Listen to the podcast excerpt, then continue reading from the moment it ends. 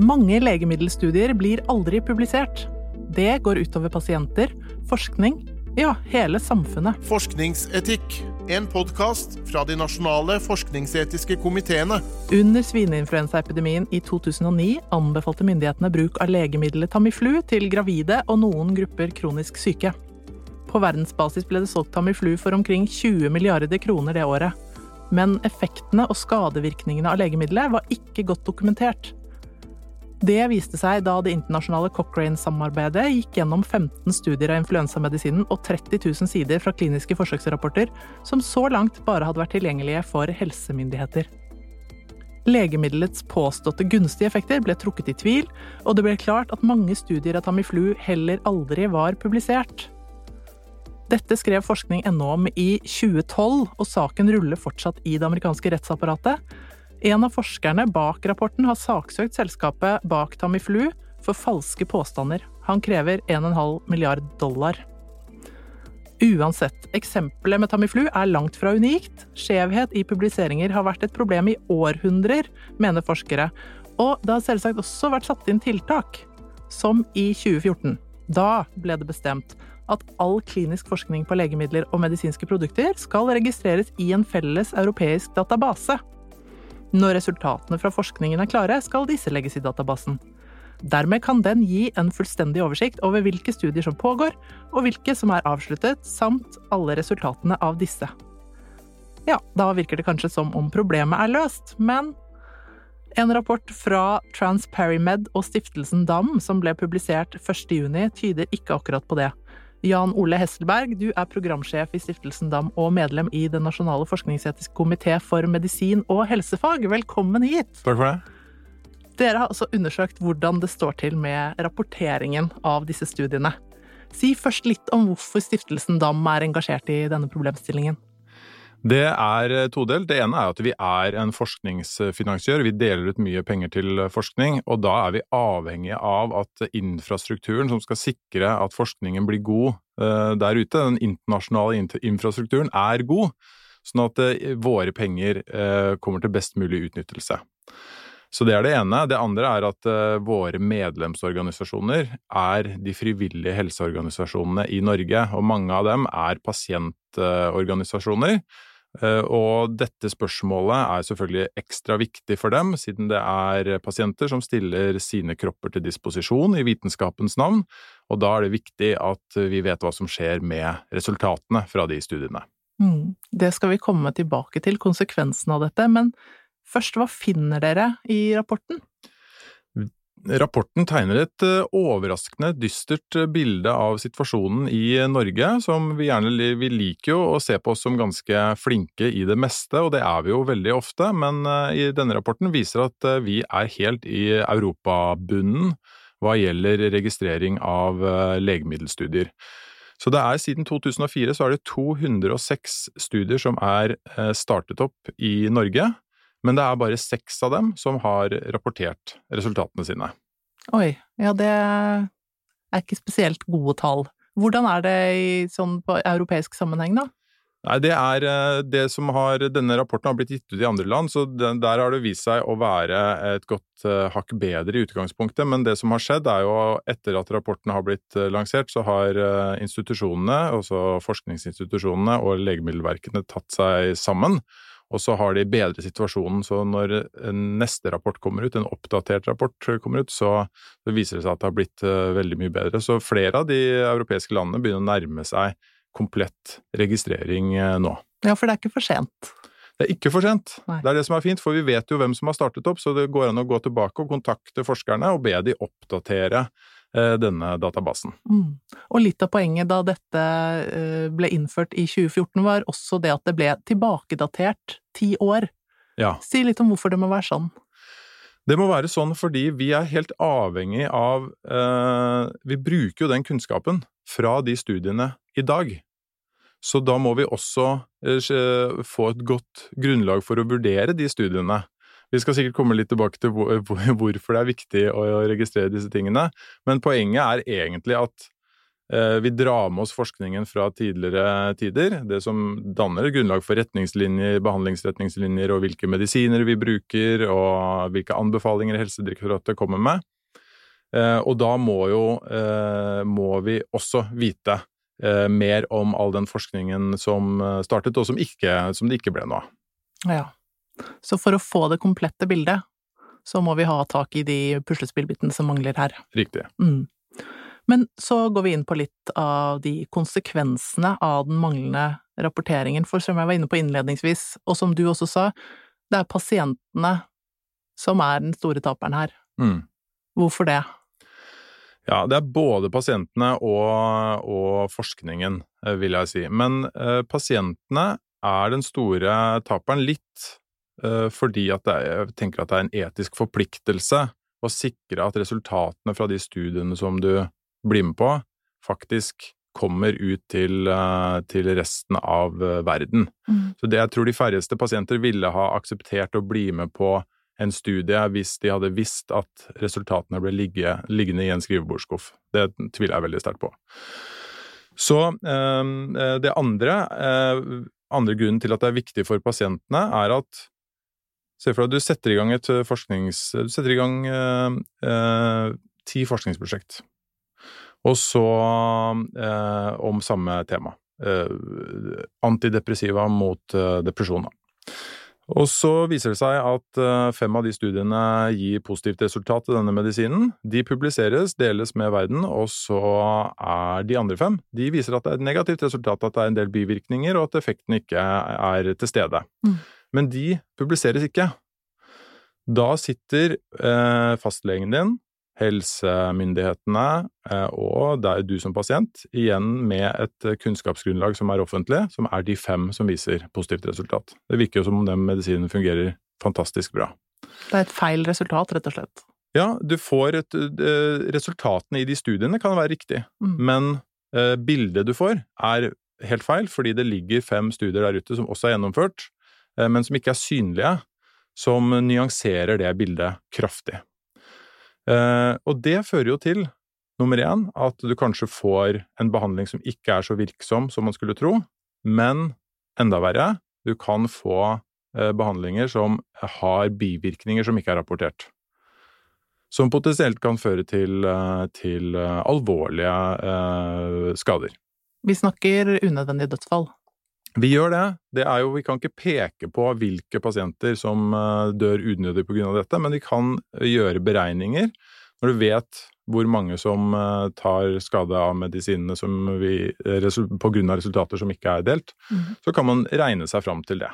Mm. Så dette vil være uetisk også i forhold til det eh, veldig grunnleggende prinsippet om å minimere skade da, som man har innen medisin? Absolutt. Mm. Noe av det viktigste vi gjør når vi vurderer eh, om et forskningsprosjekt er etisk forsvarlig, er jo eh, både eh, skadevirkningene, men også nytten av prosjektet. Og begge de to tingene påvirkes jo kraftig av å holde eh, resultater eh, skjult. Og når du sier fem positive studier og fem negative studier, altså med positivt og negativt resultat, og sier at de fem negative ikke blir publisert, så er det heller ikke tilfeldig? Nei. Sant? Det er jo det man ser, at eh, det er jo det som er det store problemet. Hadde det vært helt tilfeldig hvilke resultater som ikke ble publisert, så hadde ikke problemet vært så stort, for da kunne du bare regne med at eh, de, de som ikke ble publisert, at de var ca. de samme som, som de som ble publisert. Men flere store studier er gjennomført på dette, og det viser jo dessverre det at de studiene som ikke fremmer eh, forskerkarrierer, eller de funnene som ikke fremmer forskerkarrierer eller kommersielle interesser, har en mye kraftigere tendens til å bli liggende i skuffen. Mm. Så, og det er ikke så rart, fordi se for deg at du er en forsker, og så får du, får du et resultat som som du tenker er liksom fullstendig uinteressant, eh, og som du tenker at du ikke får noe oppmerksomhet for i det hele tatt, skal du da investere måneder av din forskerkarriere på å jobbe eh, med å få de resultatene ut, eh, ut i verden? Det er ikke alltid at det lønner seg, så insentivene ligger dårlig til rette for mm. å få disse tingene ut i offentligheten. Det er derfor vi må ha lovregulering, rett og slett, for å få det for å kreve det. Og det er derfor du må ha et sånt rapporteringssystem, at publiseringer i seg selv ikke er tilstrekkelig? Det er nettopp, nettopp det. Altså, publiseringer de, de, er selvfølgelig veldig fine, og det skjer i, i, i, kanaler der hvor man har en kvalitetskontroll. Det er kjempeflott, men problemet er at vi trenger en sentralisert oversikt. Vi trenger en database. Så hvis noen, hvis noen spør i dag hvilke legemiddelstudier pågår i Norge, så sier det seg selv, vi burde ha svaret på det ganske kjapt. Ja. Det er ikke sånn at vi burde må sette oss ned hver for oss og lete gjennom den publiserte litteraturen for å kartlegge eh, tilstanden. Eh, og, og det, det, er et spørsmål vi i dag ikke har et godt svar på. Mm. Sjokkerende nok, syns jeg. En annen viktig grunn til at vi har disse databasene, som handler om mye av det samme som eh, det å ikke publisere eh, Eller få oversikt over ikke-publiserte studier, er å få oversikt over kritiske endringer i forskningsprosjektene underveis. Så la oss si at du har sagt, eh, du, da du startet opp prosjektet, så har du sagt jeg skal forske på 100 mennesker i alderen fra 20 til 80 eh, år. Jeg skal teste dette medikamentet på dem. Og så setter du i gang, og så går det noen år, og så publiserer du resultatene i et tidsskrift, men der står det bare at du hadde med, med 30 deltakere og at de deltakerne var fra, fra 20 til 30 år. Da må man begynne å lure litt, for hva skjedde med de 70 andre deltakerne som, eh, som var fra 30 til 80 år? Du skulle jo forske på det òg. Det kan være gode grunner til at det har skjedd, men det kan også være tegn på at man har analysert alle dataene, man har sett på alle de 100, og så har man sett at det her er ingenting som tyder på at dette medikamentet har effekt. Men hvis jeg kutter ut 70 av pasientene som var med, og bare analyserer de yngste, eh, som kanskje har eh, bedre effekt av eh, medikamentene, så får jeg signifikante resultater. Så jeg bare publiserer det, og later som at det var det jeg skulle gjøre hele tiden. Ja, for det er lettere å få publisert? Det, det kan under noen omstendigheter være mye enklere å få publisert interessante resultater eller spektakulære resultater. Mm. Da har du i prinsippet egentlig akkurat det samme problemet som du hadde når hele studien ble liggende i skrivebordsskuffen og ikke eh, ble publisert. Da har du, eh, har du unnlatt å publisere eh, sentrale resultater, og i tillegg så har du endret premissene for de analysene man skulle gjøre. Mm. Det blir litt som å kaste terningen flere ganger, og så sier du liksom 'jeg fikk tre seksere', men så sier du ikke at du kastet terningen 40 ganger. Nei. Um, så, så, databasen avslører en sånn type endring? Ja, det, det, det er en av hensiktene. En, en, av målsetningene med det. At du kan kunne se hvor mange sa de at de skulle ta med, hvor mange fikk de med, og, hvor, og hva slags metoder sa de at de skulle, skulle bruke. Mm. Veldig viktig del.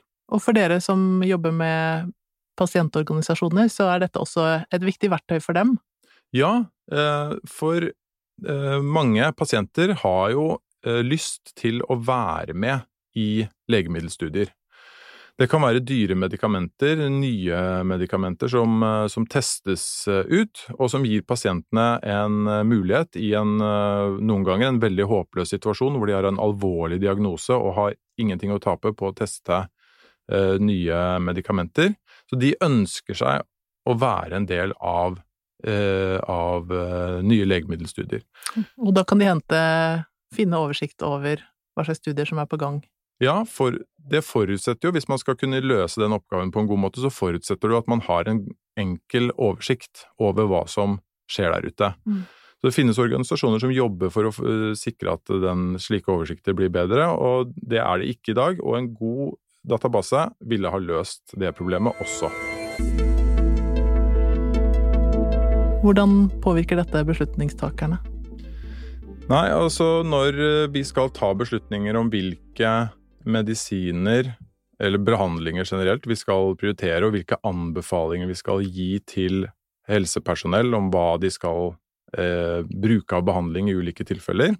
Det gjelder, gjelder, enten det er medisiner eller psykisk helsevern eller ja, andre områder. Så, eh, så har man jo ofte ekspertgrupper som settes ned for å lage veiledere og, og anbefalinger. Og de er jo De går gjennom den publiserte litteraturen. Eh, og eh, det er jo en umulig oppgave for dem å klare å fange opp alt det som ikke er eh, publisert. Det har man rett og slett ikke tidligere. Så de sitter igjen med akkurat det samme skjeve bildet som, eh, som eh, alle andre som går gjennom den publiserte litteraturen. Ok, så det er det dagens behandlinger bygger på? Det er det. Ikke nødvendigvis beroligende? Nei, det er Det høres skremmende ut, og det er det også. Det betyr jo ikke at dette gjelder alle områder.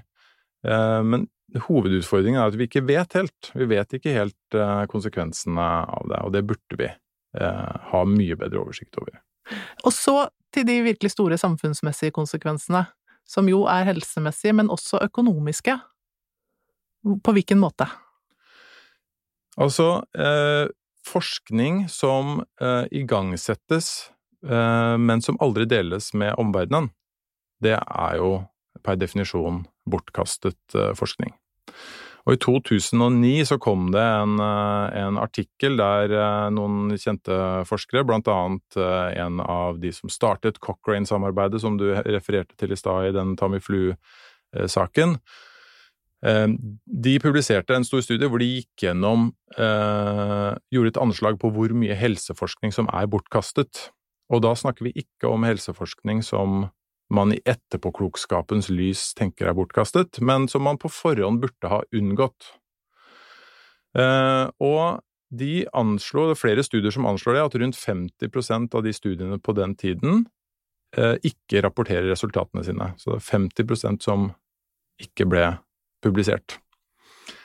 Det betyr at per definisjon da, at de 50% det er eh, bortkastet. Mm. Eh, og de anslår at det også gjelder eh, er en del andre eh, årsaker til at forskning blir bortkastet. Så de anslår at 85% av helseforskningen er bortkastet og burde vært unngått, og det burde vært unngått. Det er ekstremt. Det er ekstreme summer, og de anslår at det er 100 milliarder dollar i året. Oh. Ja, så ok, samfunnet taper en del penger på dette. Men men så taper forskningen også på det. Forskningsfronten mm. er du opptatt av? Ja, altså hvis jeg som forsker skal sette i gang med en studie Jeg eh, har fattet interesse for et, eh, et middel, et potensielt eh, medikament, og så skal jeg begynne med forskningen min. Da er jeg jo ganske Har jeg ganske stor nytte av å ha et sted hvor jeg kan gå og sjekke hvilken forskning som pågår. Det kan jo være for eksempel at det er noen som har satt i gang akkurat den studien som jeg tenker at jeg eh, skal igangsette, og da kan jeg tilpasse mitt prosjekt og kanskje se på en annen side ved akkurat det samme. Eller jeg kan skrinlegge prosjektet hvis jeg tenker at jeg bør bruke, bruke innsatsen min et annet sted. Eh, det er én side ved en sånn database, at man kan få en slik oversikt, og det har vi ikke eh, i dag. Eh, så det er helt åpenbart at man burde det. I tillegg så kunne man også sett på resultater som ennå ikke har kommet i tidsskrifter, men som eh, da eh, kunne ha vært registrert i de databasene. Så man hadde hatt en mye bedre oversikt over kunnskapsstatusen mm. i, innen det feltet man er interessert i. Mm. Det er åpenbart veldig alvorlige konsekvenser, og det er lett å forstå engasjementet, men er dere redd for å bidra til å skape mistillit til forskningen? Ved å gå ut med disse resultatene? Ja, altså det eh, Det er en utvilsomt en nedside ved det. Og det er jo ikke tanken eh, i det hele tatt. Eh, hoved, altså holdningen vår Vi finansierer jo masse forskning. Holdningen vår er jo at forskning, helseforskning er bra. Vi trenger masse helseforskning. Vi trenger å komme videre. Vi trenger å lære mer. Og at den vitenskapelige metoden er gullstandarden for å finne ut av hvordan ting henger sammen i verden. Problemet er, er jo at den metoden ikke alltid følges, og at denne databasen den er her for å i større grad sikre eh, at eh, vi følger god metode. Mm. Og, og, klarer i, i, mye større grad å vurdere kvaliteten på de studiene som, eh, som gjennomføres. Mm. Så egentlig så handler det jo om ikke om å kritisere vitenskap, det handler om å eh, fremme de vitenskapelige idealene, holde de høyt, og sikre at vi har systemer som gjør at vi faktisk følger de vitenskapelige idealene. Og et av de idealene er jo også det å formidle og, og bringe tilbake de resultatene man kommer frem til. Absolutt. Mm. Og gjøre det på en eh, etter, etterrettelig måte. Det er veldig viktig. Men hvorfor har det blitt sånn som det er? Dere har hentet inn en del forklaringer fra, fra de som driver med denne type forskning i Norge. Hva sier de? Det er uh, flere uh, årsaker til det. det er, det er, litt vanskelig å nøste i de årsakene også, men se for deg at du er en uh, forsker, du har en hektisk hverdag, du er kanskje delaktig i flere forskjellige prosjekter. Og så skal du du må, du må, søke om etisk godkjenning. Når prosjektet er, endres underveis, så må du huske å sende meldinger til regional etisk komité om at du har gjort endringer, få det godkjent, og du må sende sluttmelding. Det er på lovpålagt å sende sluttmelding til REC. Og så har du kanskje fått penger fra Forskningsrådet, der må du levere framdriftsrapporter. Eh, du må kanskje skrive noen populærvitenskapelige sammendrag underveis mens du holder på. Du må ha sluttrapport til Forskningsrådet, Legemiddelverket krever sitt. Det er massevis av instanser, kanskje noen andre finansiører som du har fått penger av, som du også må rapportere til. Massevis av papirarbeid som er liksom spredt ut til forskjellige datoer og ganske uoversiktlig. Og så har du et sånt krav som det her, som kommer i tillegg, som eh, ingen maser noe særlig om. Og eh, ingen som minner deg heller på når fristen er. Eh, så du skal være ganske godt strukturert, et veldig godt strukturert hode, hvis du husker på alle de fristene Eh, på, på egen hånd.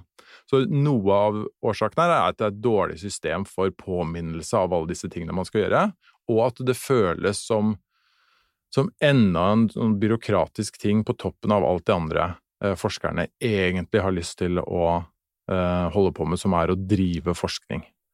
Eh, så det er lett å forstå det, så vi trenger åpenbart bedre systemer. Mm. Eh, meningen her er ikke å peke på forskerne, fordi når så å si alle feiler i den oppgaven, så er, kan man nesten ikke si at, uh, at forskerne må ta seg sammen. Da må systemet bli bedre. Systemet, Og en, en reminder, det høres jo overkommelig ut, da? Ja, det burde det, det, burde det absolutt være. Eh, problemet er at man vet ikke hvor lenge eh, prosjektet nødvendigvis kommer til å vare. Så det prosjektvarighet er ikke så, så enkelt. Men um, Eh, men, men, det er jo noen større aktører inne her. ikke sant? Én ting er forskeren, som bør gjøre det, men du har jo en institusjon over forskeren igjen, som er universitetssykehusene i disse tilfellene her, stort sett. De har jo forskningsavdelinger som burde, burde sitte noen der med et eh, Excel-ark og, og, bare sjekke og sende de påminnelsene. De har kanskje tenkt at Legemiddelverket burde gjøre det, men uh, Legemiddelverket har sagt at de ikke ønsker å prioritere det eh, arbeidet. Så det faller litt mellom to stoler, og jeg skjønner godt at vi, er, vi trenger et bedre system. Ja.